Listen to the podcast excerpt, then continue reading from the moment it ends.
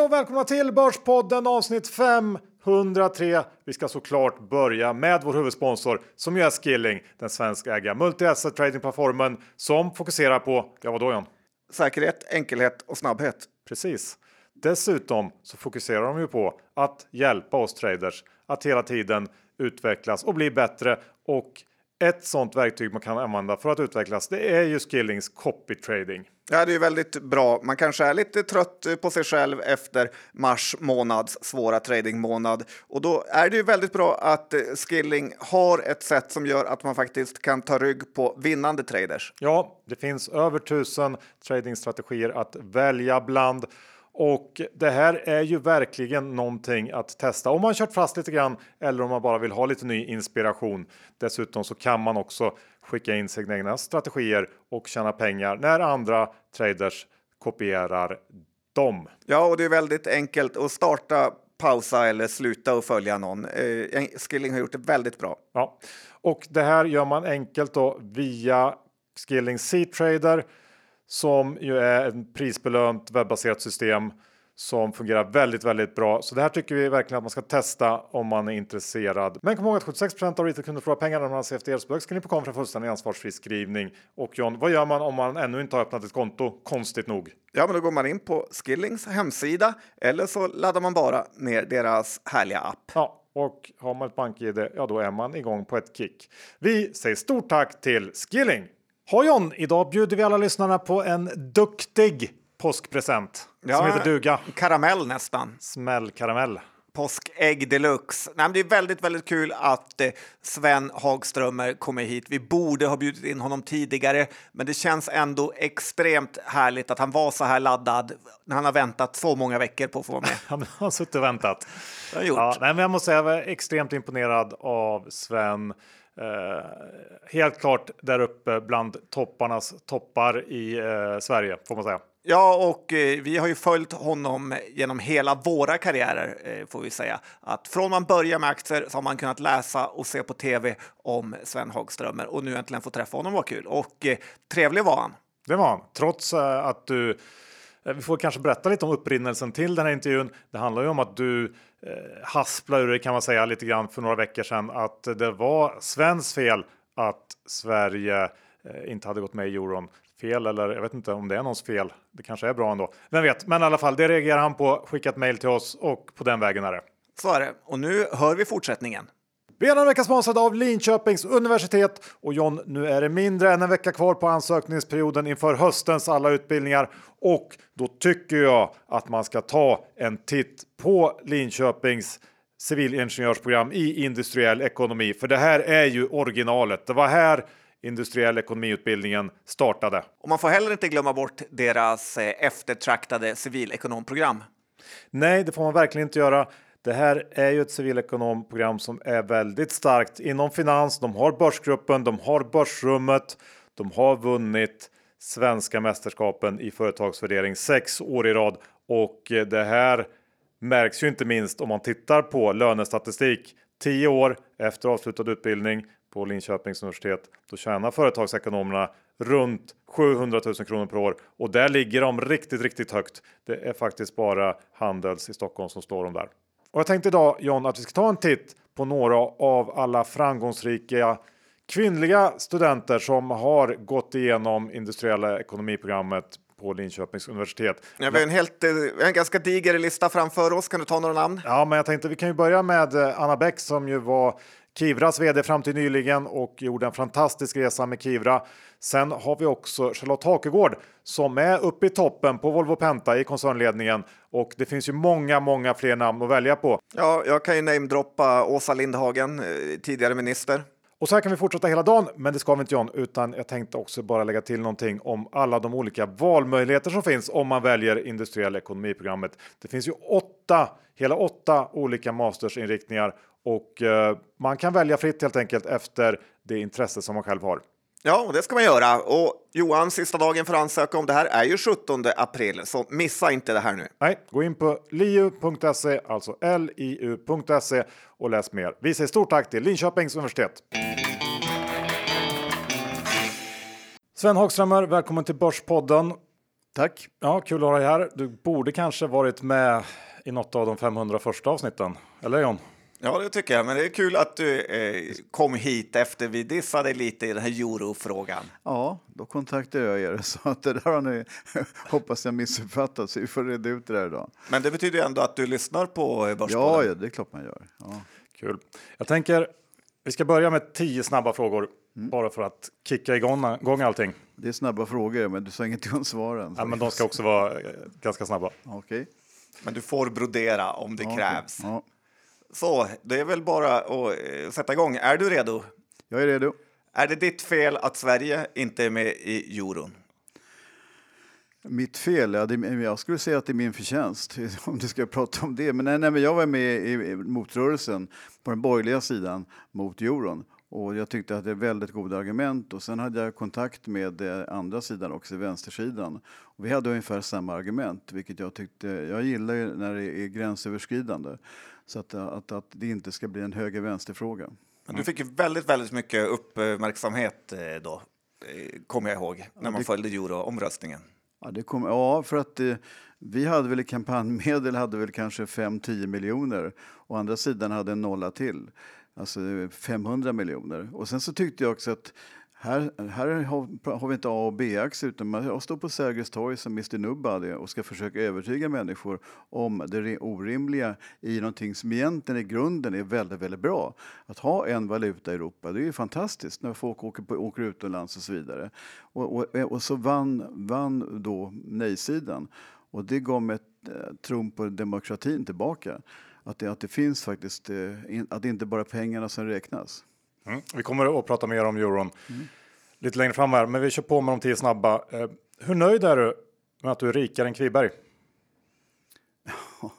Ja, det, Ganska nöjd. ja, ja, men, jag, jag är inte missnöjd. Bra svar. Hur mycket rikare är du Jag har i ingen miljarder? aning. Jag har ingen aning. Ja, ganska Det var ni som påst- påstod det, så att det, Ja, så är det. Eh, om någon på Creades använder Nordnet eh, som sin nätmäklare, får man sparken då? Nej. Eh, Jag tror att flera av oss är kunder där. Eh, Det är en ren konkurrensbevakning. Om du inte får välja Rickard Josefsson, vem har varit Avanzas bästa vd? Ja, men det är så speciellt det där för att eh, alla vd har varit ganska olika och, och det är ungefär den första ungdomskärleken. Den, har ju alltid i gott minne. Va? Så Niklas Storåkers var ju med från början och han var faktiskt inte den första vdn utan vi hade en vd som var vd en vecka och sen så såg jag han förstår inte de här möjligheterna så då, då frågade jag Niklas som vi hade gjort, jobbat tillsammans innan. Har du lust att bli vd för, för det som numera är Avanza? Ja, han är väl den som har lyckats bäst med efteråt också. Eh, vem var egentligen den första vdn då? Det blir man lite Nej, det vill jag inte på. berätta. En vecka. Hur har det gått efteråt då? Hur blev karriären för den personen? Nej, men han är inte vd i Nordnet om vi säger så. Okej, vi kan inte släppa Rickard Josefsson ännu, men borde inte han sluta snacka om hur viktigt hans månadssparande är på Twitter? Ja, det får väl ni, men, men eh, är det inte viktigt med månadssparande? Alltså, Jo, men det är lite så här publikfrieri när en vd som tjänar hundratusentals kronor i månaden. Eh, Jo, men genom hans månadssparande har, har han sparat ihop en rätt hygglig förmögenhet med normala mått mätt. Och det här är väldigt viktigt tycker jag, för vi hade ju i HQ hade vi Rysslandsfonden som vi startade. Och det gick ju bra första veckan ungefär, sen blev det en katastrof. Men de som var med från början och månadssparade kom ju väldigt väl ut ur Rysslandsfonderna. Så, så att det där är, alltså är man inte road som vi tre och följer det här varje dag så är månadssparande ganska oslagbart. Ja, jag tycker faktiskt också det. John. Du, eh, vem, Smörar lite känner jag ändå. vem inom svenskt näringsliv har du mest respekt för? Nej, men eh, alltså, jag, jag har ju mest respekt för en person som har lämnat det jordiska, Jan Stenbeck, som jag jobbade tillsammans med. Jag, jag blev ordförande i Tele2 efter hans död och satt i Tele2 styrelse i rätt många år. Eh, jag tyckte alltså en man som har brutit upp monopol och, och skapat helt nya produkter trots politiska, politiskt motstånd och så vidare. Med, men det han borde bli, borde bli ett hedersmedborgare. Och sen var det folk på vänstersidan som sa att han inte skulle få hålla på så här i Sverige, för han bor ju inte i Sverige. Men det var kanske tack vare att han inte bodde i Sverige. Då var han ju inte hjärntvättad som vi andra var som bodde här. Så jag tycker han var en fantastisk person och jag kan väl berätta att när jag har haft jobbiga tider och så vidare så har jag tänkt hur skulle jag lösa det här? Och då har jag hittat lösningen. Jag tycker det är ganska fantastiskt. Jag, jag, jag tror inte på telepati att han sitter där uppe på något sätt. Men, men det är ett sätt, en en struktur i en problemlösning som har varit väldigt effektiv. Och dessutom att vara väldigt, väldigt rak. Eh, vad vi skiljer oss åt, alltså för, det är väldigt mycket som skiljer. Men, men, men jag har haft en väldigt liten personalomsättning. För jag tycker det är ohyggligt viktigt att, att verkligen omsorg när du anställer människor. Och, och, och det, det, är trots allt människor och det får inte vara svängdörrar på firman.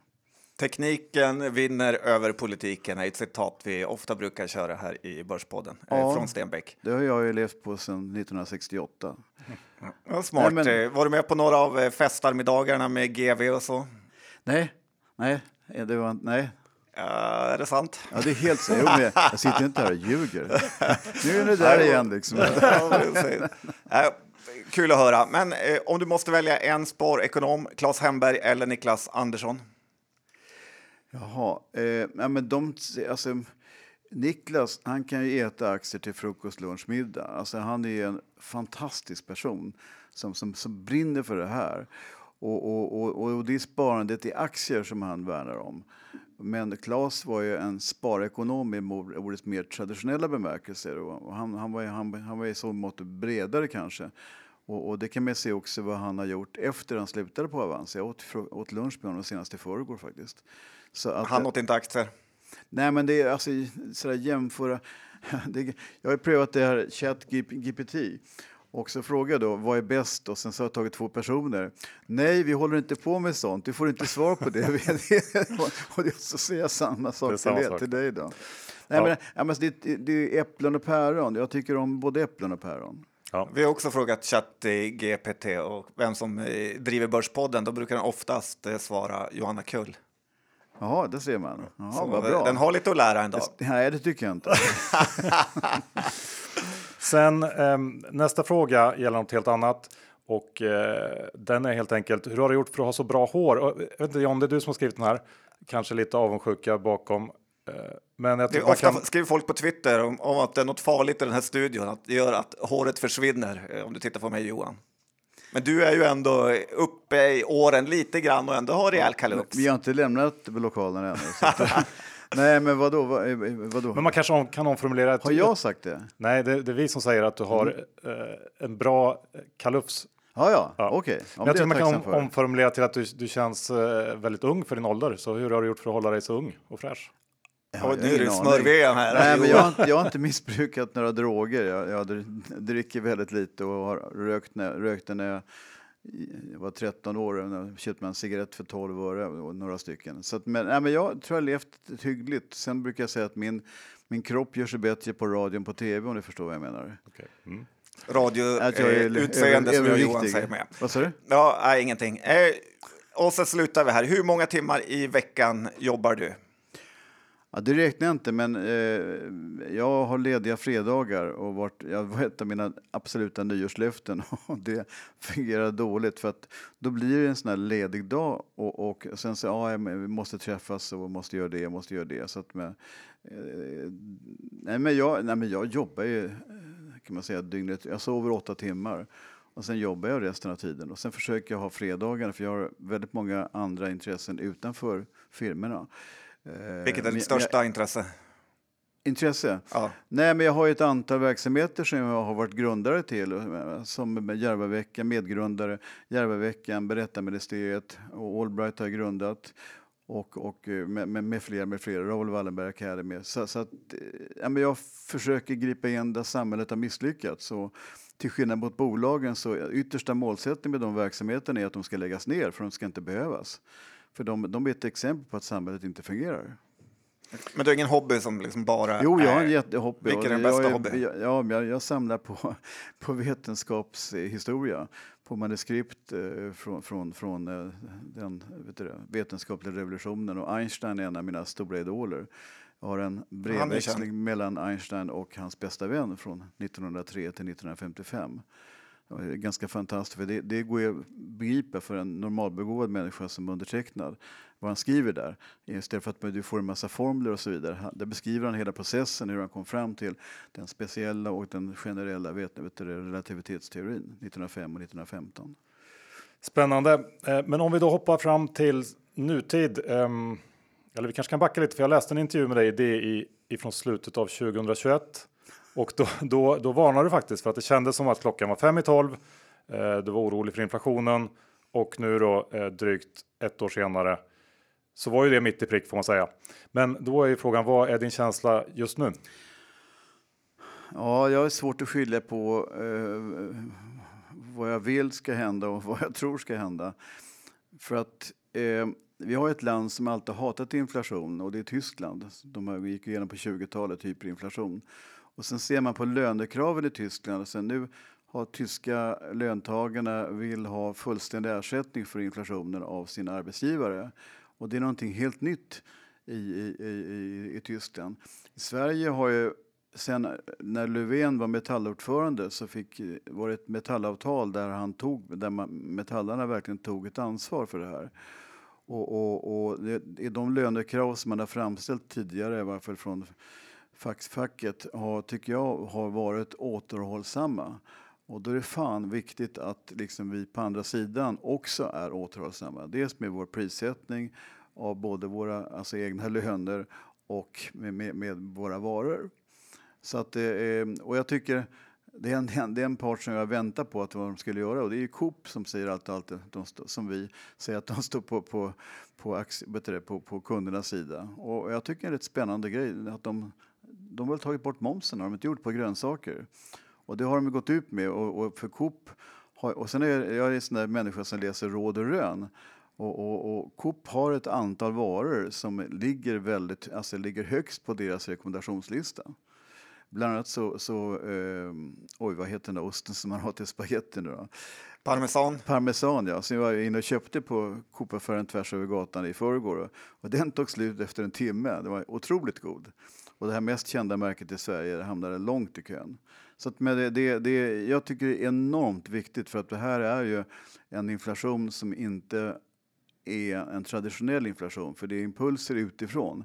Och det är det som vi gör, i stor del som gör det så svårt att, att, att bekämpa den. Vi kanske kommer in på räntor och sånt där sen. Men är du då med andra ord du är fortfarande rädd för inflationen? Ja, eller? ja jätterädd. Jo men, alltså, jo, men du har ju haft Ekonomierna har ju gått på droger, riksbanker, de olika riksbankerna, framförallt svenska, med negativa räntor.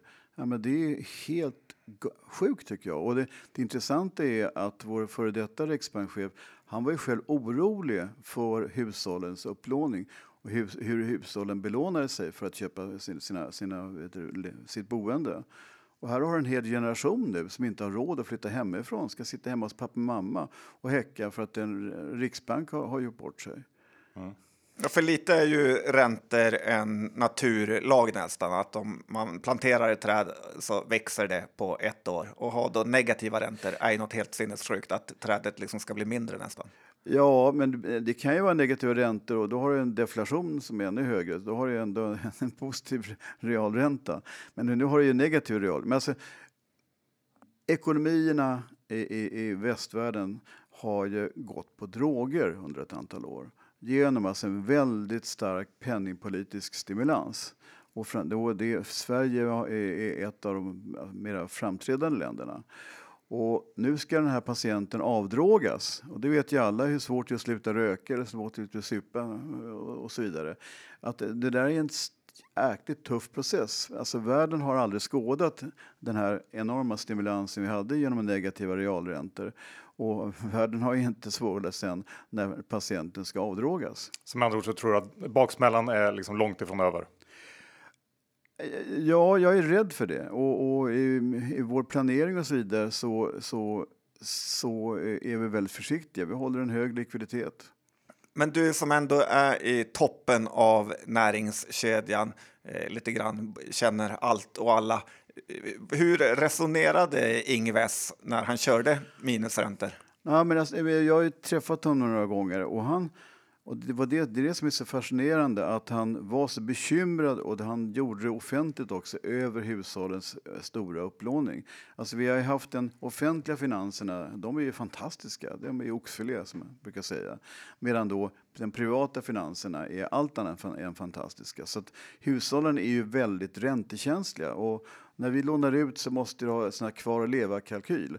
Och de grundar sig på räntor på 6-7 procent. Alltså vi ligger en bra bit ifrån den där fortfarande. Så de, och vi, vi har ju haft superbolån och det är 50 procents belåning. Så vi har ju liksom tagit hoppas jag, alltså, en väldigt försiktig attityd till just bolånemarknaden. Men har inte Avanza och liknande hjälpt till att elda på det här genom att erbjuda så här otroligt låga räntor? Som och den där, ursäkta mig, jag tycker det är en jävligt korkad fråga. För liksom, vi, vi, kan inte säga mer till, mer till kunden, mindre till banken. Och sen så går vi och har jättehöga bolåneräntor. Vad hjälper det? Då får vi inga, inga bolån alls. Utan det, vi ska ju göra det så bra som möjligt för kunden. Det är jätteviktigt. Vi får inte svika kunden av några politiska skäl för att en riksbank, vi, vi, vi är en vanlig liten, liten skitbank höll jag på att säga. Men Avanza är en ganska liten spelare på den marknaden. Och vi kan inte agera centralbank heller. Det här Jag kan sitta så här och jag kan skriva årsredovisningarna. Och jag skrivit jag vet inte hur många år om just den här märkliga penningpolitiken. Ja, men det här med att man inte tog bort ränteavdragen, var inte det något eh, staten borde ha gjort? Jo, och parerat har jag lite också tagit om. politik? Ja, mitt förslag har varit att ta bort det här på 15 år. 2% om året i minskat ränteavdrag. Det är väl fantastiskt att göra det under lång tid. För då, att göra det över natten, det förstår jag att det, det går ju bara inte. Men tar under 15 år, det får du dra av 30 procent idag, så det är 2 procent mindre om året. Men, Men jag får bara säga en sak Johan, för lite är det, är det inte också lite så här äh, finansmanna-syndromet, eh, även Börspodden-syndromet, att man sitter och tycker saker, men det är liksom mycket, mycket svårare att genomföra i verkligheten och att man, det är lätt att dissa andra. Jo, men det ena dagen så säger man att alla Eh, nu senast på, på, på eh, Ekonomibyrån att vi i näringslivet, vi ställer aldrig upp på intervjuer, vi säger aldrig vad vi tycker och så, och så vidare. Och sen ställer du en rak fråga till mig så tycker jag att det är självklart och det här har jag drivit jättelänge. Och, och, och, och för detta är en anomali. Va? att, att, eh, eh, som inte är bra. Och, och då har ju, genom den här penningpolitiken har ju byggt upp enorma spänningar i ekonomin, i samhället. Att du har en tillgångsinflation på aktier som du var tidigare och på tillgångar i övrigt som, som fastigheter. Medan då du har haft en nästan desinflation, alltså eh, deflation på, på tjänster och varor. Och, och, och, sen har du ju haft eh, ganska hyggliga reallöner fram till de här senaste som har skett. Men jag menar mycket av att priserna på eh, produkter och tjänster har ju också med eh, tekniken att den har hjälpt till att. Eh, ja, men det spelar ingen roll, men ja, tekniken är ju... För som ja, så reallönerna har ju ändå ökat. Ja, men det, reallönerna har ökat, ja. Ja, för att varorna har blivit billigare. Dels på grund av import från Kina, till, var, var, var väldigt deflationsdrivande. Nej, men, men så, så att jag förstår inte riktigt vart du vill komma. För jag vill inte ha sån här inflation. Jag vill att vi ska rota ut den. För att med inflation är det görs en massa korkade, när vi har negativa realräntor så görs det en massa korkade investeringar som inte håller långsiktigt och det får en fastighetsboom som inte är bra för samhället och så vidare. Utan jag, jag vill ju gå in i bolag som gör någonting för sina kunder på grund av teknik eller med smarta, smarta entreprenörer. Det, det är det vi jagar. Jag, vet, jag har sedan 70-talet alltså skytt fastighetsbolag. Och det, men hade jag gjort det så hade jag kunnat sitta med armarna i kors och bara räkna pengar. Köpt fastighetsbolag eller? Ja, just det. Ja. Mm. Kviberg, din parhäst, var ju, är ju mycket i fastigheter. Han har stort innehav i Vilborgs och... Ja, ska jag... Han övertalar dig aldrig att... Eh, nej, nej. Nej, men det, det, var det som gjorde att vi hade en... Det var, en väldigt bra, det var ett väldigt bra äktenskap i 20 år. Att vi sprang på helt olika bollar. Och, eh, och det var, om vi hade tyckt samma sak om alltihopa, då hade ju frågan kommit varför ska jag dela med mig av det här för? Utan det, det var, vi kompletterade varandra. Är ni kompisar idag? Kompisar, jag vet inte vad du vill kalla det, men vi har, vi har kontakt några gånger om året ja. på ett trevligt sätt. Och gör han något bra så skriver jag ett sms, grattis och vice versa. Ja, han var ju i podden här, då sa han att ni hade skidstuga i närheten av varandra. Ja, just det. Ja. Men du tillbaks till Riksbanken, jag vill inte släppa det riktigt. um, bör man liksom börja tänka om hela den här grejen kring Riksbanken och Riksbanker, hur de fungerar? Och ska vi, ska vi ha en Riksbank som som utgår egentligen bara från inflation och väldigt trubbigt titta på saker och ting och justera räntan därefter. Är det ett rimligt sätt att sköta en ekonomi på? Jo, men inflation är en sjukdom. Det är en symptom på någonting som inte fungerar i samhället. Och, och, och, och, och det är bara att gå tillbaka till historien till 20-talet vad som händer när man har en, en hyperinflation som i Tyskland. Så att, och nu, och nu kommer det upp här igen att man ska slå ihop Finansinspektionen och Riksbanken. Det förstår jag inte. Utan jag har väldigt stort hopp till Thedéen eh, som har rekryterats från Finansinspektionen. Och, och, min erfarenhet av honom är att han är en väldigt tydlig person. Alltså, du behöver inte ha en kremolog som ska tolka vad, vad, vad i själva verket, vad sa han för någonting? Och det här decimalkommat, varför sitter det här och inte där? Och så vidare. Utan han, och han är, är synlig, han ställer upp på intervjuer så fort han blir tillfrågad. Jag tycker det ska bli väldigt, väldigt spännande att se hur, hur, det, här kommer, hur, hur det här kommer att uh, utveckla sig. Ja. Alltså, jag, jag, jag tillhör hans fanclub verkligen. För jag gillar ju folk som, som, som går ut och berättar vad de tycker. Vi, vi har ett öppet samhälle så det här är jätteviktigt. Men jag syftar kanske mer på hela som, som perioden innan nu då, när det var för låg inflation. Eh, vilket ledde till minusränta och så vidare. Ska man ha ett system som fungerar på det sättet som är så trubbigt på något sätt? Jo, men alltså, och då fanns det bara ett sätt. Jo, att sänka kronan så skulle man importera inflation. Eh, eh, och det var ju det som var mantrat då. Men, men det finns ju andra sätt att, att eh, inte importera inflation. Du hade kunnat ha högre löneökningar. Och det hade ju satt press på industrin. Så att för dem, den här, jag, jag är, nu är jag kanske lite osaklig, men jag tänkte titta på det. Jag har en känsla bara av att vi har fått väldigt lite investeringar i näringslivet trots hög lönsamhet. För ingen har trott att det här varit uthålligt. Alla har trott att det här är tillfälligt. Och det var nog väldigt klokt att se på det viset. Så, så, så, att, så att, eh, men, men, och, och det, så att lönetrycket skulle jag säga har varit för litet. Och, och då hade vi haft högre, löne, högre löneökningar och, och eh, för att det här omvandlingstrycket i näringslivet är ohyggligt viktigt. Alltså, du ska alltid ha kniven på supen. Men du tycker att arbetarna ska få högre lön nu, ja. eller? Ja. Tidigare tyckte du de skulle hålla tillbaka för Nej. att inte dra igång jo, inflationen. Jo, men nu, nu har, vi, har vi den här inflationen som till stor del är importerad. Och att ta kompensation för det, det, det blir bara en, en inflationskarusell som ingen vinner på. Vi har den vecka med oss vår exklusiva fondsponsor Fidelity. Rickard, vi ska prata lite om matindustrin. Är det bara billigt som gäller nu eller funkar också ekologiska varor i de här inflationstiderna? Hur ser det ut? Ja, så här i påsktider är det väl många som eh, funderar kring det beroende på hur dyrt påskbordet förra helgen blev eller inte. Ja, det är ju ett hett ämne i de här inflationstiderna. Eh, vi ser ju enorma prishöjningar på mat eh, och vi på Fidelity träffade nyss CEOn Greg Hackman för Bange Limited och Bange är ett globalt jordbruks och livsmedelsföretag som också är en av världens största exportörer av sojabönor. Det grundades 1818 i New York. När man tittar på, på den här industrin, finns det några utmaningar kring just hållbarhetsaspekten? Ja, en framtida utmaning är bland annat att eh, man vill försöka distribuera maten mer globalt och eh, en annan fråga också från kunderna det är att om man är beredd att betala mer för de här biodynamiska varorna som också nu börjar plockas fram. Och andra bolag inom det här området finns ju framförallt på europeiska aktiemarknaden som har mer en Eh, inriktning då mot ekologiska varor. Men vi får inte glömma det att maten måste smaka rätt och den måste också ha rätt pris, eh, säger grundarna i de här livsmedelsbolagen. Så att här sitter vi lite eh, och tampas nu mellan prissättningen kontra vad man som producent är villig att eh, betala mer för. Då, då. Vi ser också stora investeringar i det som kallas för foodtech, eh, vilket kommer att bidra till högre effektivisering av matproduktionen, men även då att man också får en mer hållbar matproduktion. Stora utmaningar ligger också för att minska skövlingen av skogen världen över. Och det är framförallt när man eh, anlägger jordbruken. Och vill ni lyssna mer på eh, den här intervjun som vi hade med eh, det här bolaget så har vi också en egen podcast som heter Trade-Offs som ni hittar på fidelity.se. Kom ihåg att investerarens värde kan minska och öka. Det kan hända att du inte får tillbaka det investerade kapitalet och historisk avkastning är ingen tillförlitlig indikator för framtida resultat. Åsikter uttryckta kan redan ageras på och hänvisningar till specifika värdepapper ska inte tolkas som en rekommendation för att köpa eller sälja dessa värdepapper utan är endast inkluderade som illustration. Vi säger stort tack till Fidelity International. Vi är denna vecka sponsrade av Cameo som är Skandinaviens ledande investeringsplattform för säkerställda fastighetslån.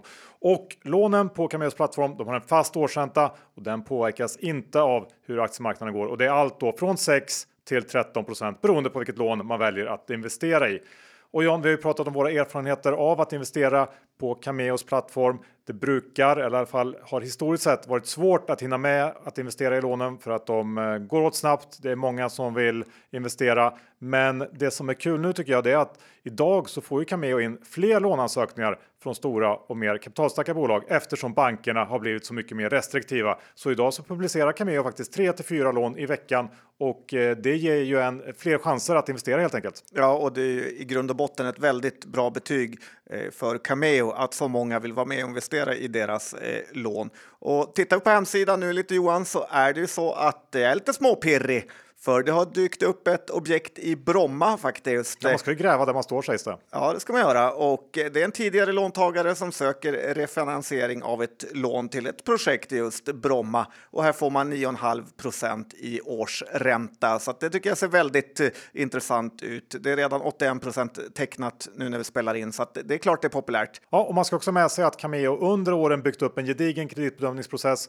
och har faktiskt sedan starten 2016 fortfarande 0 procent i kreditförlust förluster i Sverige. Och alla lån har ju alltid någon form av säkerhet. Vanligast är det i fastighetspant eller personlig borgen. Och eh, jag tycker helt enkelt att man ska gå in på cameo.se för att läsa mer och eh, investera. Eh, sen ska vi också komma ihåg att investera via Cameo har historiskt sett gett en attraktiv snittavkastning på 8,7% Men precis som alla investeringar så innebär det även en risk eftersom historisk avkastning inte är någon garanti för framtida avkastning. Vi säger ett stort tack till Cameo! Vi pratar ju om euron, ska fortsätta med det. Eh, läste någonstans att du är nästan på väg att ändra det här nu om att Sverige faktiskt borde införa euron. Nej, men hade jag vetat hur den, riksbanks, den penningpolitik som Riksbanken skulle föra, för, för mig var det att det här gav frihetsgrader när vi, för vi är en, mycket, en li, ganska liten exportekonomi. Allt det vi gör, 50% av alla varor och tjänster producerar här i landet går på export. Va? Så vi är enormt beroende av att ha en, en, ett, ett näringsliv som är konkurrenskraftigt. Och, och, och, att ha en egen valuta, då har man ett antal frihetsgrader. Men vad jag inte gillar med euron, dels är att Europa är inte ett, ett, ett, ett, eh, typiskt eh, valutaområde. För att det är inte att, eh, är det jobbigt i Tyskland så, så, så åker, tar de jobb i Frankrike och vice versa. Utan det, vi har massa olika språk, olika regler och alltihopa. Och, och, och, och det andra är också att det är inte samma konjunktur i hela Europa. Så att vi har en ränta i Europa och det är ungefär som att du får magnecyl om du har ont i huvudet och du får magnecyl om du har cancer. Och, och sen så det tredje är också att det finns regelverk med hur mycket man fick ha i budgetunderskott. Och, och, och ett land som Holland till exempel hade rätt, rätt stora budgetar. De var tvungna att verkligen alltså, svälta sig igenom den kuren. Men Frankrike och Tyskland som de största länderna, det var inga problem alls där. De kunde gå över ett tag. Va? Så, att, så att det är ett antal, och jag tycker, jag hoppas att vi kommer in i euron, säg om en 20, 20 år, och sånt där, när det hela har satt sig. Och, och, och, och, tänk vad som hände när, när, när Italien och Grekland och, och Portugal och Spanien, liksom, när de plötsligt fick låga räntor för att alla, det var ju samma räntor till alla. För det var, Finansinspektionen i Europa sa att du har ett statspapper, du behöver inte ha kapitaltäckning. Det spelar ingen roll vilka som var utgivare av de där statspapperna. Det är ju helt sjukt. Ja. Det är ett korrumperat system. Ja, lite nästan eh, att det var barnsjukdomar får man väl säga i, i euron. För nu har man väl lärt sig lite av det där. Och det finns ju såklart nackdelar med euron. Men det finns ju också eh, stora fördelar.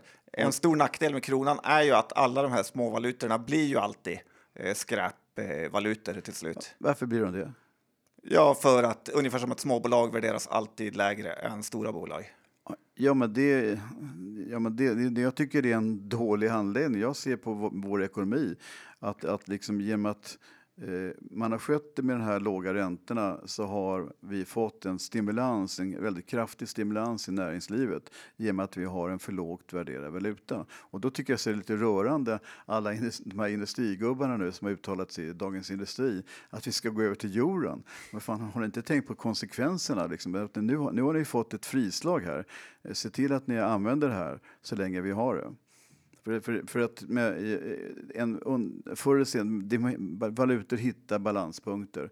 Och Sverige vi ska inte speka oss i, med, med, med, rulla oss i säck och aska här nu, utan, utan det är ett jäkla välskött land egentligen i grunden. Vi har ett välskött näringsliv, vi har ett stabilt politiskt system och så vidare. Så, men, vi, vi, ska inte sälja ut det här landet som är, tycker jag, på det hela taget är ganska välskött. Men, men är det verkligen så då? Har vi inte gjort massor av misstag sista åren? Eller det sista decennierna? Ja, men det, det, finns, en... finns andra som gjort ännu större misstag. ja, kanske. Men om du ändå måste rejta, för du har ändå varit, eh, det som är kul med dig är att du har varit med i alla kriser som i princip eh, eh, funnits på den moderna börsen. Hur skulle du rejta den perioden vi är i just nu?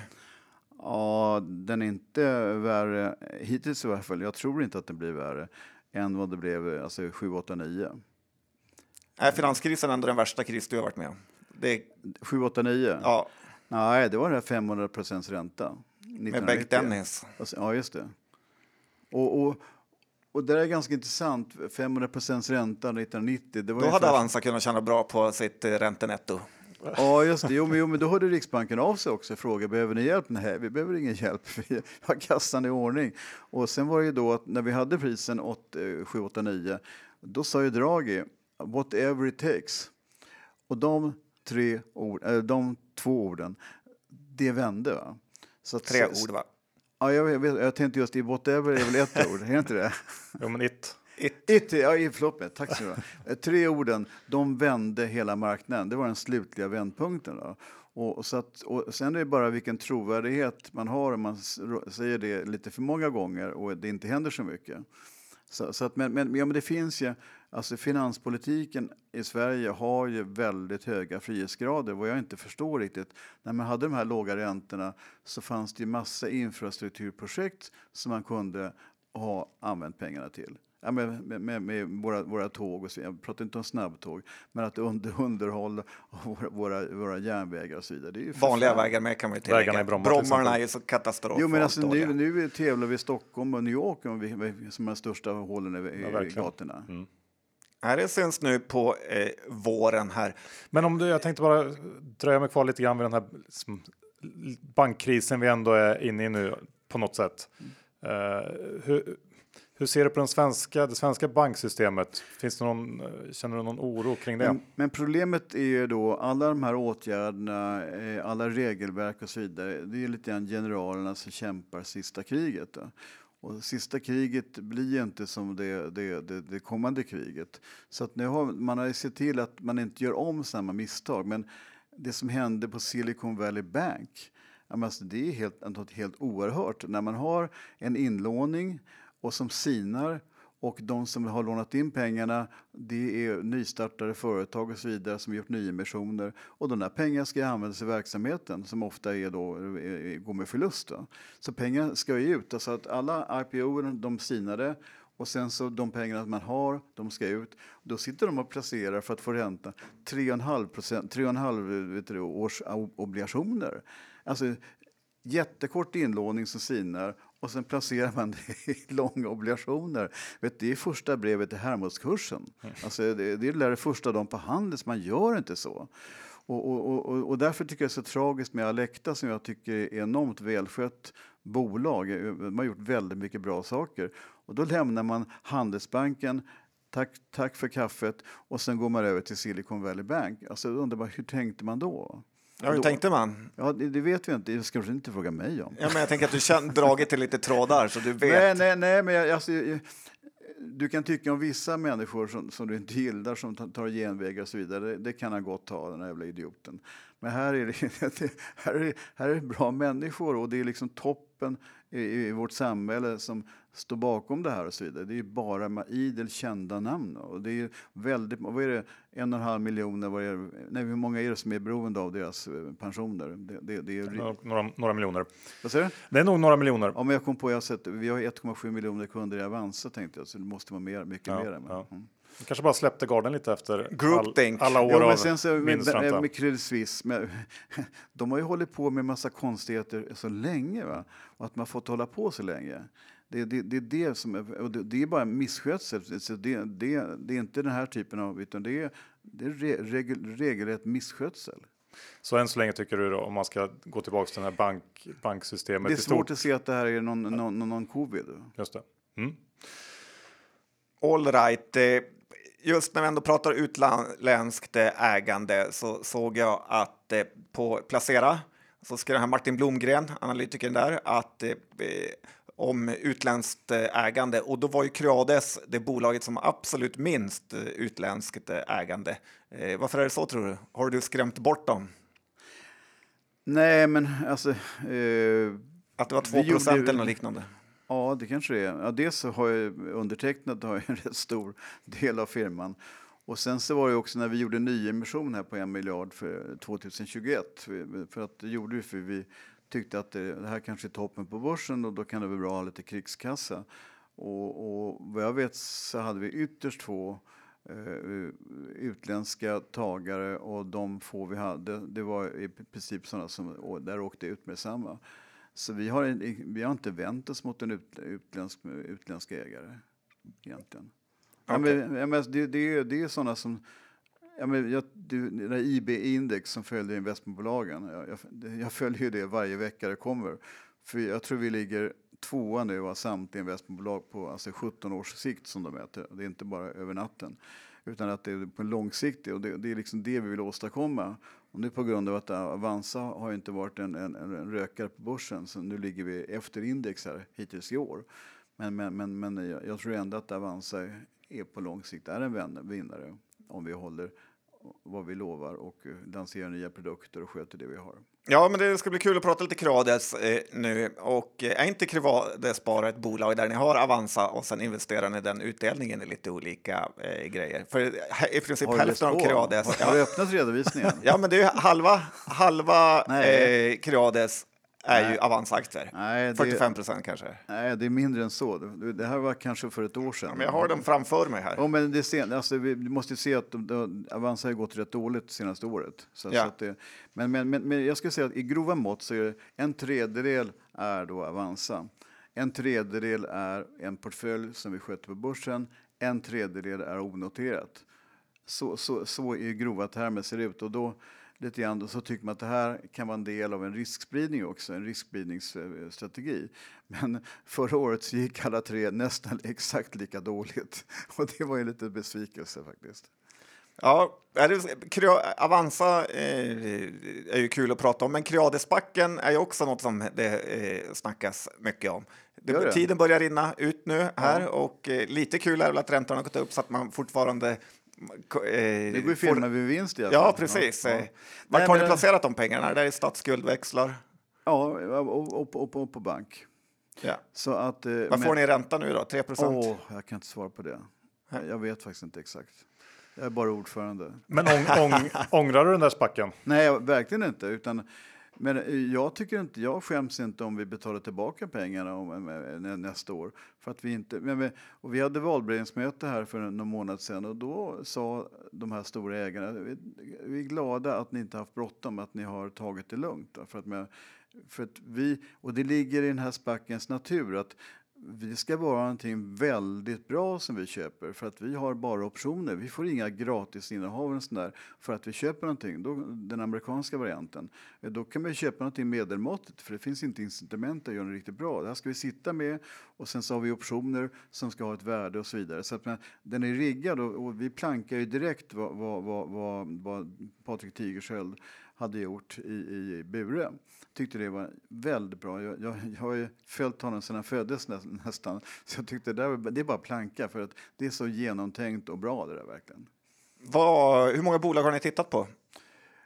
Eh, ja, definitionen att titta, det, det, det kan man diskutera, men vi har väl eh, gått igenom våra ögon, med ett 50-tal bolag, men se ett tiotal bolag som vi har kommit långt med och som valde att gå på börsen. Eh, en, en, kanske hälften av dem. Kan du ge något exempel? Alltså, nej, det kan jag inte. Men, men så har de kommit in på börsen och sen så har de gått upp och sen så har de fallit som döda skjutna kråkor. Så att vi, vi tycker med facit i hand så är vi rätt glada att vi har varit så, så uh, kritiska eller realistiska, vilket du vill. Vilket typ av bolag är det ni vill köpa? Nej, men alltså, vi vill ju köpa i, i princip samma typ av bolag som eh, finns i Creades. För det är liksom någon, en bransch som vi kan, alltså infrastruktur för nätet till exempel. Och, och, och det var ett bolag som jag tyckte var... Jag, jag tycker att cybersecurity är jättespännande och väldigt, väldigt viktigt. Och jag har svårt att se att efterfrågan någonsin kommer att upphöra där. Så att det, det, var ett bolag som jag ringde upp till ordförande och, för att tänkte det här skulle kunna vara någonting för, för, för Kreasback. Och så, ja, vi ligger precis i en process här och allting ska vara klart om några dagar. och det, det hann ju inte vi med. Va? Så det såldes till riskkapitalbolag och ja, då ringde vi upp från, då ringde vi upp från Creades då och frågade ja, men kan inte vi, vi tar gärna 10 procent av det, det kan vara roligt att ha medinvesterare. Ja, det hade de redan tänkt på, de hade annan med medinvesterare. Så det blev ingenting av det heller. Så, så, att, så att det, det... Men inte det ett problem då, att ibland kan Creades göra affärer och ibland Creadesbacken? Att det är svårt Nej, men det att var hålla... det jag försökte säga med det här exemplet. Att det, när det är hela, hela bolaget, då var det Creasback och sen så var hela bolaget besålt och då var vi intresserade av en liten bit som, till, till Creades. Alltså, och, och, och liksom, vi har ju de resurserna för att täcka in de här bolagen och vi skulle börja fuska med, med i andra branscher och så vidare. Det, det, blir inte, vi är inte bra ägare där. Men är inte det risk att ni börjar bli skotträdda nu här i slutet? Att ni inte vill liksom göra en dålig affär? Eh, att man ändå blir lite försiktig, att oddsen ökar för att ni kommer betala tillbaka alla pengar istället? Jag tror jag ska skriva upp till nästa årsredovisning. Risk att bli skotträdd. jag tror inte att det, det är inte riktigt vad vi håller på med. Det är inte det. Nej, men vi håller på med alltså, creative destruction. Va? Och, och förra året blev det lite mer destruction and creation. Och, eh, så är det. Men, men, men, och det här ursprunget var, här var ju då att Mats Kviberg och jag, vi, höll, vi älskade aktier. Det har vi gemensamt med Niklas Andersson. Att jag älskar aktier och tycker det är enormt roligt, håller på med det massor med år. Och, och jag köpte mina aktier när jag var, första aktien när jag var 12 år. Och sen så tänkte vi att nej, men, det vore ju kul att ta nästa raketsteg, att gå in som aktiv ägare. Och, och, och, och, då började vi göra det. Och, och, det fanns en del som hade samma sitt som vi som hade gjort det med rätt dåligt utfall. Men, men det, det gick ganska bra. Så då var det en förstärkning av hela processen och att, att vara en aktiv ägare. Och sen så blev vi kallade för styckmästare och, och, vi brukar säga att, jag brukar säga då att vi tog in de här bolagen under, med LTO-lagen, lagen om tillfälligt omhändertagande. Va? Vi tog in de här bolagen, avdrogade dem och sen så skickade ut dem igen. Va? För att, för att, och, och, och, och nu är och det var, då Vilka bolag pratar vi om då? Ah, men det, vi, vi, var ju, vi var ju väldigt stora ägare i SCA och Skanska och så vidare. Och, och, och Fabege till exempel, eh, Fabeges mamma var, var ju Skanska till exempel och där, där var ju, det, det går för långt, men, men, men att, att, att dela upp bolagen det har varit väldigt, väldigt viktigt för att få fram kärnverksamheten i dem. De har ju varit diversehandlare för att eh, vdarna där har, ska vilja ha så stort market cap som möjligt. Det handlar inte om det, det ska handla om är det här verkligen effektivt? Och jag kommer ihåg, jag satt i styrelsen i Skanska ett antal år, vi var näst största ägare där. Och så hade de en massa skog då. Och så sa de då att ja, men det kan vara bra att ha.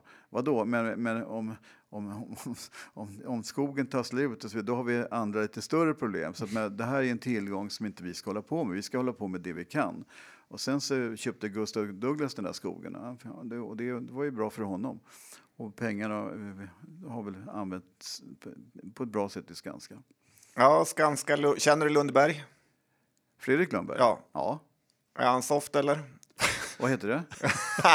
är han en bra kille? Känns lite så här liksom, arg av sig. Ja, men alltså...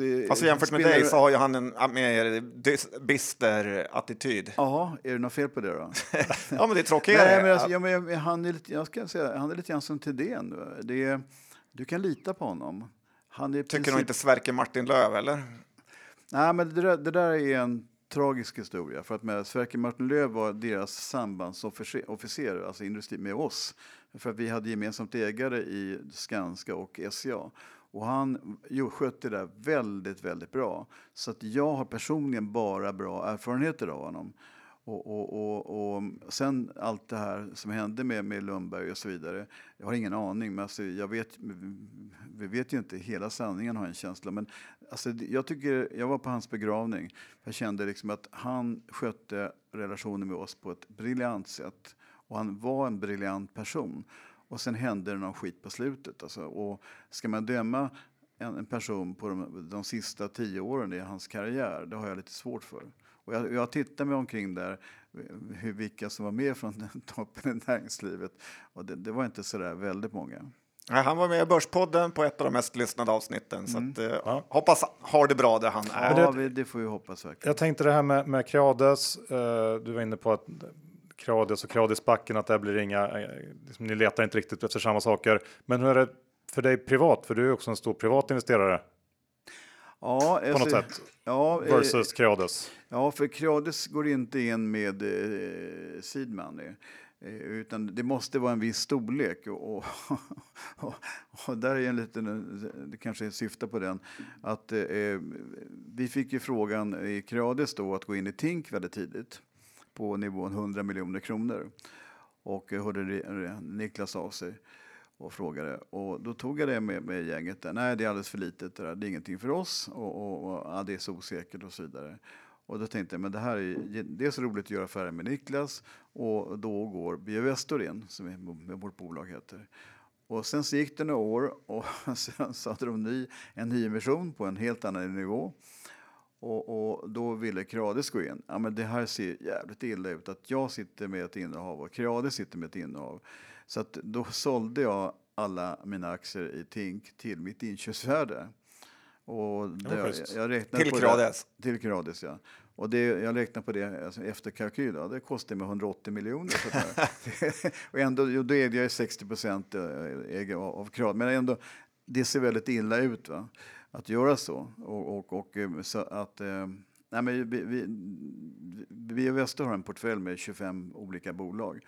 Och ni har säkert inte hört namnen på något av dem. Men kan du inte känna att John Hedberg saknar lite aktienäsa om han tackar nej till Tink på 100 miljoner? Nej, men det var ju väldigt grova runder för att vi vill ju vara aktiva ägare och vi kan ju inte sitta med en jätteportfölj av, av mindre bolag för vi har full show med dem. Jag vet inte faktiskt hur många vi har onoterat. Vi har full show att hinna med dem vi har. Vi, är- vi är åtta anställda på firman. Men man kan säga då att, att det som är för litet för Creades är sånt som du kan Ja, just gå det. in i privat. Ja, vi redde ut då be- begränsningen mellan Kreasback och Creades som jag tycker är väldigt väldefinierade. Och det är samma sak mellan det privata och, och, och Creades som jag tycker också är rätt väldefinierade. Men ska vi ta och, och prata lite mer om det största, viktigaste innehavet i eh, din portfölj och Creades portfölj, Avanza alltså. Ehm, jag såg här i, början av den här bankkrisen så cirkulerade någon slags eh, sammanställning på Twitter av, eh, jag tror det var den här danska eh, killen. Sten och Larsen. Ja, som hade Är han dansk eller är han svensk? han är dansk. Jag tror han är svensk med. Jobbar på Nordea gjorde han väl. Men i alla fall, han hade gjort någon sammanställning över banker i Europa, de som var mest ja, egentligen utsatta för, för um, risken för en bankrun, alltså att man hade lägst tillgängligt kapital på något sätt. Och där hamnar Avanza långt ner på den listan. Eh, han pekar ut er. Eh, Skulle man vara högt eller Alltså att man skulle vara rädd för Avanza Jaha, eh, med tanke på för, att... för vad då?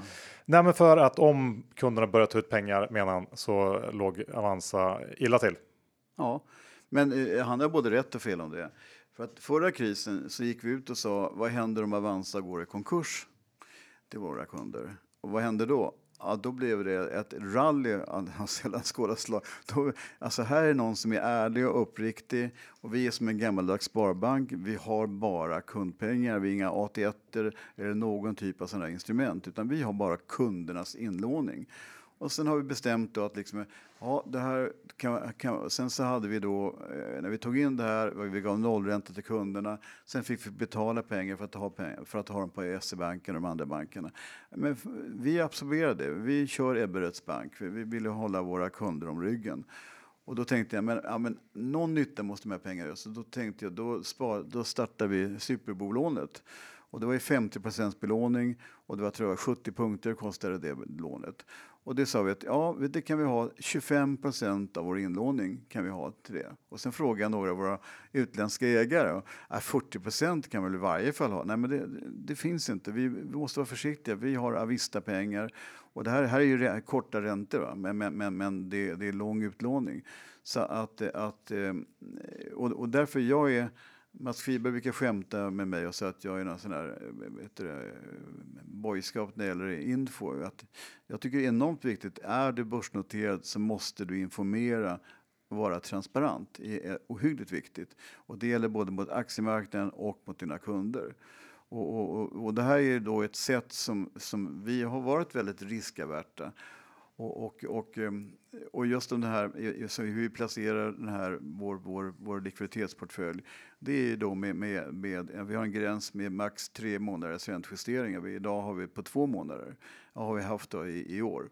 Så att den där krisen har kommit, så att vi, vi, det, det, där borta på andra sidan Atlanten var det ju lika många år, va? tre och ett halvt år, men vi har, vi har två månader. Så, så, att just för att inte få en skiljaktighet på, på räntesidan. Men så. över natten då så är det ju ändå ett problem om ni eh, måste vänta två månader på att få ut pengarna, eller? Nej, nej, nej, nej, nej. Det här är, nej, det är alltså räntejusteringarna. Räntejusteringar, alltså det är korta räntor. Alltså det, det, ränt, om, om korta räntan går upp så, ligger vi då, så tar det då två månader max. Okej. Okay. Ja, det är det vi pratar om. Men 20 procent av pengarna ligger då i bolån? 21, Eller 25? 21 procent superlån. Ja. Hur löser man det då? Hur man löser det? Ja, om man måste eh, ja, få ut vi, de cashen. Vi, vi, har ju, ja, men då, då, har ju, då, har ju, då har ju folk tagit ut 80 procent av allt som finns på firman till att börja med. Eh, sen får du ta med också eh, aktielån, alltså eh, inte aktielån utan belåning av aktier som också tar en liten bit. Men det, det kräver för att det ska bli problem så krävs det att folk tar ut 70 procent av alla sina innehav. Så kontentan är då att du tycker att han den här Sten eh, Larsen hade fel i sin bedömning? Att ni skulle höra till de mer riskutsatta? Jo, men, han, jo, men därför säger han både rätt och fel. Men, men det, det, det förutsätter att vi har skött det här, skött det här dåligt, att vi blir ifrågasatta och så vidare. Och vi har ju gått, som ni sa, vi har gått igenom ett antal kriser med flaggan i topp.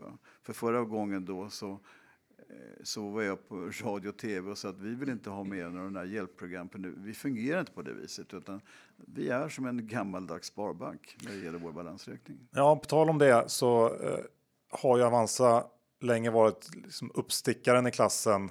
Men kanske om man vill vara elak har det gått mer åt att bli lite mer likt de här gamla bankerna som man en gång liksom verkligen utmanade. Tycker du att det stämmer? Ja, nu fick jag puls.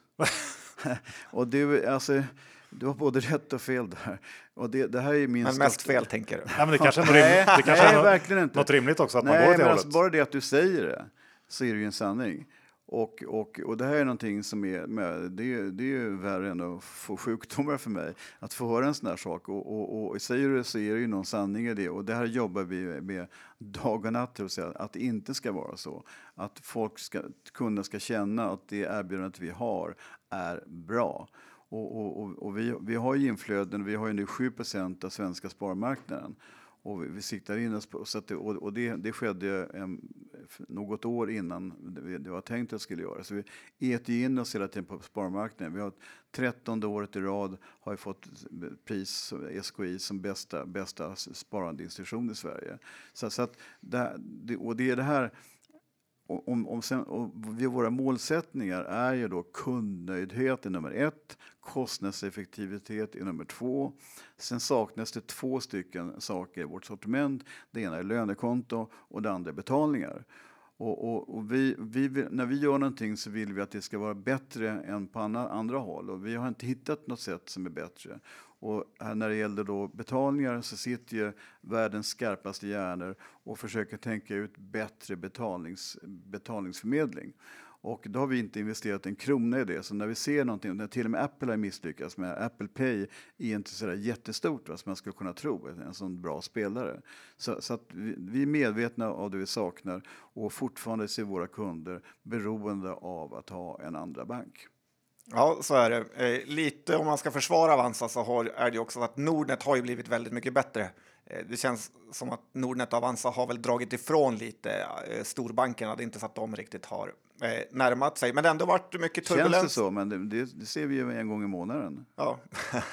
det... Men det har ändå varit lite så turbulens på Avanza. Alexander Boman lämnar, det har varit Mm. lite så kritik mot Richard Josefsson. Eh, lite liksom, är han inte för gammal för att leda ett så här uppstickarföretag? Så allting är mitt fel. Alltså. Nej, Kokar väl inte det, men ägaren? det, där, det du säger, för nu har du sagt två jättebra grejer. För det här är väldigt viktigt tycker jag. Alexander Boman eh, var en person som kom in i firman som vi verkligen satsar på. Är någonting vi varit dåliga på? Att vi har inte lyckats få eh, intern rekrytering på de, de viktigaste jobben. Utan vi har externrekryterat. Och Alexander Boman är ett sådant exempel där, där, där han valde att lämna. Och, och jag hade vä väldigt många samtal med honom för, jag, för att det, jag tyckte det var tråkigt att han skulle lämna. Och, eh, men han lyckades övertyga mig att han, att han valde rätt. och, och sen så är ju alla, alla som lämnar, och, och vi har en liten personalomsättning, jag kan inte säga exakt på, på, på, på, procenten det är, men, men, och den har ökat något. Och, eh, och han är alltid välkommen. Så, så att vi, vi, vi har folk som har kommit tillbaka också till firman. Ja, men han är stort Björklöven-fan med, så att man gillar honom. Alexander är stort Björklöven-fan med, så att... eh, Han är? gillar- du gillar ishockey, eller hur? Jaha, är det? Jaha. Jag först, jag, jag, jag, ja, Löven. Ja, okej, Ishockey. Bra, förlåt mig.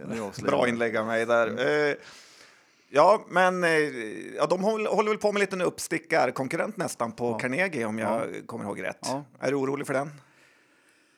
Only, Att Carnegie ger sig in i er sektor? only the paranoid survive. Okej. Jo, men du har ju SCBX också som du kan se. Det är, det är en större fara i sånt fall. Jo, men du har ju ett... Att Vad är det? Det har jag aldrig hört talas om. Har du inte hört talas om det? Nej. Nej, men det är alltså SCBs då... Eh, där de Ja, har, deras utvecklingslåda. Ja, precis. Mm. Okej.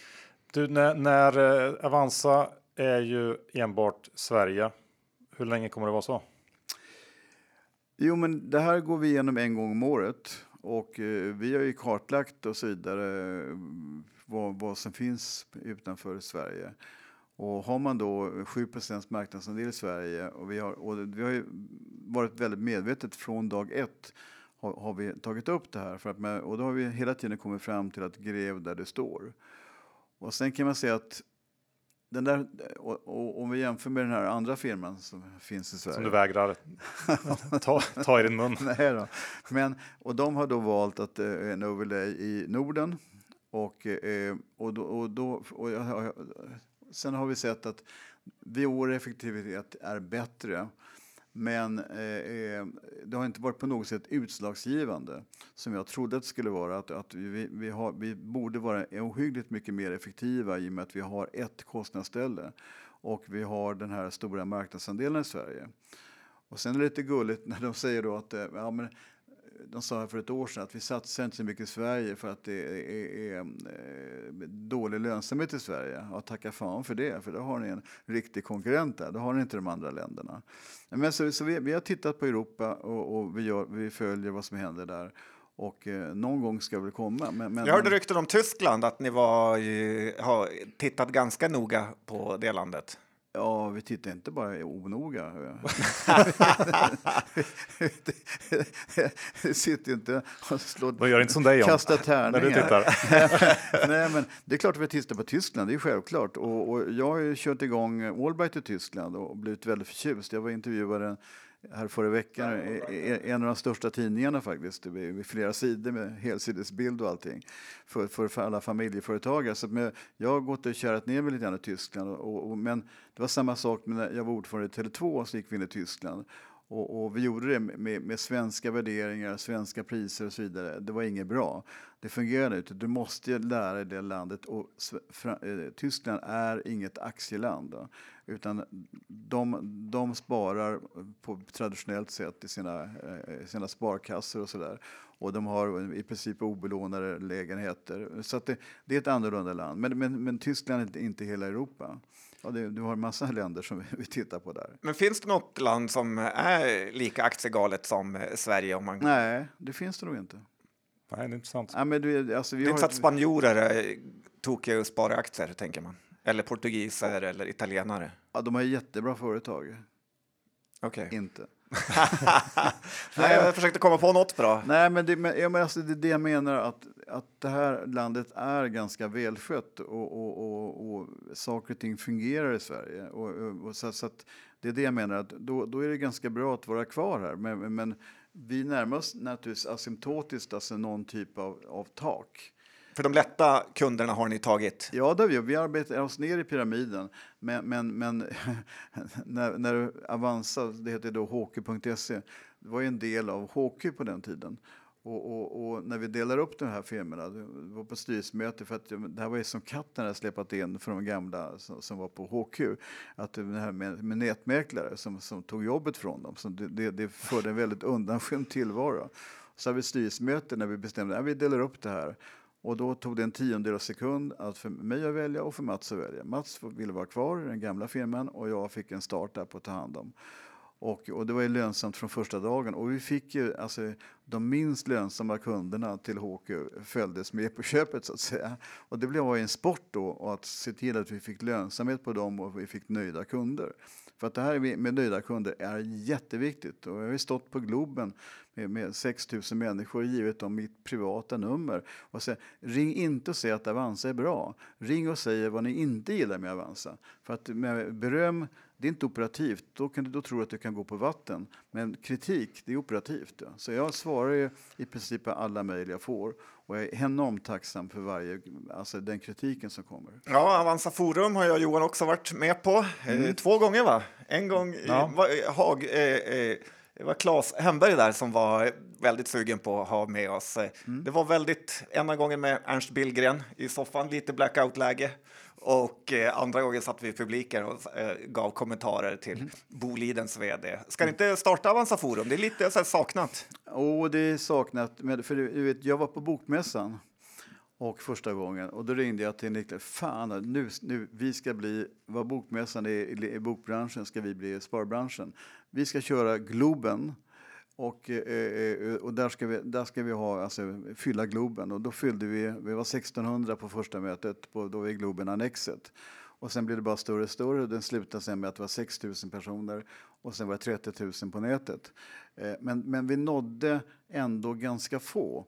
Och, och, och, det var en enorm, det var kill your darlings, verkligen. För att vi alla älskar det här. Det var en grej som omfattar alla på firman. Och sen så hade vi alla fondbolag och så vidare som vi tog betalt för för att de, de det var en, en utställning så att säga, en, eller en mässa eller vad du vill, bakom kulisserna där som vi såg. Så att det, det, det var jobbigt för att då, då sa jag att ja, men, vi ska ha en studio, vi ska gå ut med poddar, vi ska intervjua och så vidare och då når vi alla våra kunder och inte en gång om året. Så, så att, eh, eh och det där tycker jag är ett styrketecken att man kan kill your darlings när de inte är tillräckligt effektiva. Jag älskar ju det här, men tänk att när vd och jag står och hälsar på tusentals kunder, handhälsar, alltså, 100 handslag, handsprit, 100 handslag, handsprit. Och, liksom, och det är väl ingen ordförande och vd i banken står och hälsar. Det gör de inte i de andra bankerna, utan det personliga. Och att vi var en nätbank och ändå var de här, när man träffades, var en så viktig del av, av, av, av, vår, av bilden av Avanza. Men det ryktades väl lite att det var anledningen till att eh, Claes Hemberg sa upp sig, att ni lade ner Avanza Forum. Att han, det var lite hans baby också, han blev jättearg på er när ni lade jo, ner men, jo, men det var inte bara hans baby, det var, det var jag som födde bebisen. Och sen dödade du den? Jo, men, nej, men, och, nej, det var faktiskt inte mitt förslag nej. att göra det här. Men, men jag eh, jag slog knut på mig själv. Liksom, att jag tyckte det var jobbigt, men, men jag tyckte det var väldigt klokt. Och det här är det som är så viktigt, att när saker och ting blir otidsenliga så, får du, så, får, så, så måste du ta hänsyn till det. Mm. någonting vi pratar en hel del om i podden. Eh, det är ju Nasdaq, börsen, de förändringar som de har gjort eh, egentligen under kanske en lång period, tioårsperiod, som vi tycker eh, i de flesta fall är dåliga för spararna. Det handlar om allt från eh, minskad tick size, eh, Anonym an- handel. ja, och så vidare och så vidare. Saker som känns som att det är framförallt för att gynna de, de största kunderna, alltså de stora algodatahandlarna som betalar mest till börsen. Vad, vad är Avanzas syn eller din syn på det här? Eh, alltså ett måste jag erkänna att jag inte är 100% insatt i, men jag, jag har sett en del av det du har nämnt och, och har dragit precis samma slutsatser. Eh, och om vi är då störst på börsen så har det en viss påverkan att, att eh, ta upp det här. Eh, men, men, men samtidigt är det, det här någon typ av internationell trend som kan vara svårt att, eh, att kämpa emot. Va? Men, och, men jag tycker, där har vi transparensen igen. va? Att, att du har en trend, men du har ju de här vet du, svarta lådorna, höll jag på att säga, så, så, där, där du inte kan följa ordentligt vad som händer. Va? Så, och det där är ju en brist. Eh, och en annan brist som jag ser det är att jag undrar, för jag satt ju med i Börsstyrelsen en massa år och, och, och jag satt med i bolagskommittén och, och, och sanktionskommittén. Jag tycker det är väldigt lite som börsen tittar på. Det är många, mycket som de tittar åt andra hållet när det görs konstigheter på börsen. Eh, och det där är... Där jag menar, ni har ju många kunder som framförallt kanske för något år sedan när, när eh, Finansinspektionen var mer att, eh, aktiv att döma folk för, för enpetare och saker som Åh. man kanske inte riktigt förstod som kund alla gånger. Eh, och som man När de själva har ändrat tick sizen till en. Att du ska kunna handla en. Och sen är det okej för robotar men inte för privatpersoner. Igår kom det också att eh, man ska införa en dagskol i First North-bolagen. Eh, eh, som Avanza-kund var det ju väldigt bra att man kunde ta del av internavsluten eh, som fanns innan den anonyma handeln eh, började. Och jag antar att Avanza tjänade också på det för att eh, eh, då fick man båda courtagen direkt. Eh, så att lite kan, jag tycker ni kan tuffa till er mot eh, Nasdaq. Ni har ju småspararna med er. Ja, ja, ja, jag vet det, men, men alltså, nu är jag ute på väldigt, väldigt tunn is. Det är Börspoddens styrka.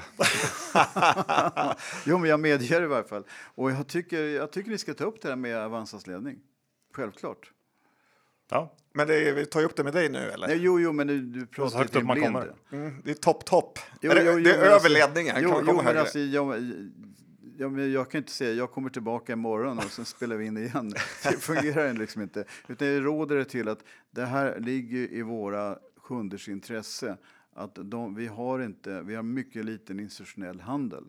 Och så, så att det här är ju våra kunders intresse som vi ska bevaka när det gäller de här frågorna. Ja, men jag vill skicka med er det att ni har ju småspararna med er. En armé som verkligen hejar på Avanza och småspararna mot eh, algohandlare från Kina och Ryssland och allt vad det är. USA framförallt kanske. Ja, de också. Och med algohandlare har jag ingenting emot. Nej, men Det- vi är bara det- det- robotar. i Ja, men det, är väl mer, det är väl mer regel och förutsättningsförändringarna som hela tiden skruvas mm. åt Men, men, men varför inte, om, om ni, ni har ju väldigt många som lyssnar på er och så vidare, och varför inte ta upp det där med, med de som kan göra någonting i Avanzas ledning? För ni har detaljerna. Om jag kommer att säga, vi snackar lite grann, bla bla bla, bla då vet inte Rickard vad jag pratar om. Ja, men nu har vi gått igenom Avanza nog här. Ska vi inte titta lite på de onoterade eh, bolagen som finns i Creades? Lite snabbt. Vi får nästan, kan, kan inte Sven välja ut? Men kan inte jag få liksom- välja ut ett först? Nej. Det här vi Ett- börjar ett då? ja, eh, klistermärkesbolaget. Ja. Eh, Jag tycker det är så eh, fantastisk eh, lönsamhet. Jag sa till Johan när vi tittade på det, tänk att få äga det bolaget. Det är ett bolag Mm. som jobbar med klistermärken och har brutal lönsamhet. Det Du får John, väl köpa lite Creades kanske? det John syftar på när han säger klistermärkesbolaget är alltså ett bolag som heter Sticker App. Berätta om det. Nej, det är inte så mycket att berätta om. Utan det här med Avanza är sprunget ur ny teknik och det här är sprunget ur ny teknik som är mycket mer effektiv och kostnadseffektiv. Och de kan ta fram stora serier, de kan ta fram små serier och, och, och eh, de kan ta fram alltså, när folk skapar sina egna klistermärken. Men vilka är det som köper för klister för märk Jo, men det är alltså- för mig är lite så väldigt- säker cykel 1988. Och du? eh, du vet när man fick eh, på skolan att Ja. man, cykeln gick igenom besiktningen. Okej. de, du att den jag- typen av klistermärken. Det är rörande att du tror att jag gick i skolan 1988. måste jag är väldigt glad. Det är bästa som har hänt det senaste året. Nej, men jag tänkte på mig själv mer. Eh, eh, men vilka är det som köper alla de här klistermärkena? Ja, men det är, alltså, det, är, det är privatpersoner, det är bolag, det är bolag som använder för, på sina produkter. Så det är allt mellan himmel och jord. Och det är det som är lite grann både charmen och säkerheten, att du har en bredd. Och det är, um, USA är en väldigt stor marknad och där tycker man att ja, men amerikanska bolag de ska vara mycket mer effektiva. Och det är det de inte är, för de här killarna har gjort ett väldigt, väldigt bra jobb Ja, det är tre svenska entreprenörer som har startat det. mm, i Lomma. Ja, imponerande. Omsatte en bit över 300, tjäna 120 miljoner. Mm. Ja. Vad, vad betalar du för det? Ja, det har jag glömt bort. Men det, men det, var, ja, men det, var, det var anständigt, det var en bra affär. Ja.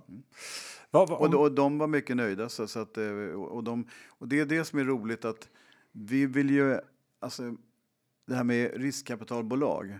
Eh, det är ungefär som att, där har ju de en exit alltid va. Och det är ungefär när du ska gifta dig så står du framme vid altaret där. Jaha, när ska vi skiljas då? Ja, men jag tycker fel attityd. Utan vi är ägare så länge vi har ett, så vi har ett bra tillsammans, vi har ett bra jobb och vi, vi kompletterar varandra. Och det var så med Mats Kviberg också när, när, när vi slog oss ihop då 1990. Så vi hade inte ett enda papper och vår skilsmässa den klarade oss av på en dag utan ett ont ord. Då. Och det, och det är liksom så att de här amerikanska dokumenten du har på hundratals sidor. Alltså jag förstår inte, men jag tror inte världen blir bättre av det. Utan det här är människor som ska samarbeta och då, då får man göra det lite enklare, tycker jag. Ja, men det är lite Buffett-grej. Han brukar väl också prata om att eh, om det inte ryms på ett eh, A4 så är det Ja. inte lönt att göra en sån Nej. deal. Alternativt så kanske det är en svensk grej. Att göra saker lite sådär enkelt utan... eh, Att göra det enkelt, ja. Det, ja. Jo, men, men folk trodde man hade hål i huvudet. Ja, så att det, Du, ehm, du har ju investerat i ett gäng AI-bolag har jag läst om. Mm. Och det är ju extremt eh, i ropet just nu med Mm. Open AI och deras eh, ChatGPT. Vad, vad, du såg det här tidigt eller? Ja, men jag tyckte det var rätt naturligt. Ja, men vi har pratat om artificiell intelligens. Eh, det har vi väl kanske gjort de senaste 20 åren. Och det här är senaste bidraget, att, att du kan göra det. Men samtidigt så är det här fortfarande bara i sin linda. För att med, jag har ju varit inne här, jag var inne häromdagen och tänkte jag skulle säga något roligt på Avanza stämma. Och, och så jag var inne och frågade vad, vad, vad, är skillnaden mellan, mellan ISK och en kapitalförsäkring? Så, Du frågar ChatGPT eller? Ja, just det. Mm. Ja, bä- bägge betalar 30% skatt på vinsterna stod det. Men fan, det var helt åt helsike. Så, så att eh, eh, det åter... Men, men för det första är jag väldigt road. Jag, jag, jag, av elektronik, av datorer och så vidare. Det var ju tack vare det som firman startade då i mitten på 90-talet. Och, och, och det här är en naturlig konsekvens av, av det. Och, och, eh, så att, eh, och då när en svensk eh, kille hör av sig, som är 24 var väl då, när det gäller Sana Labs, så, så blir jag jättenyfiken.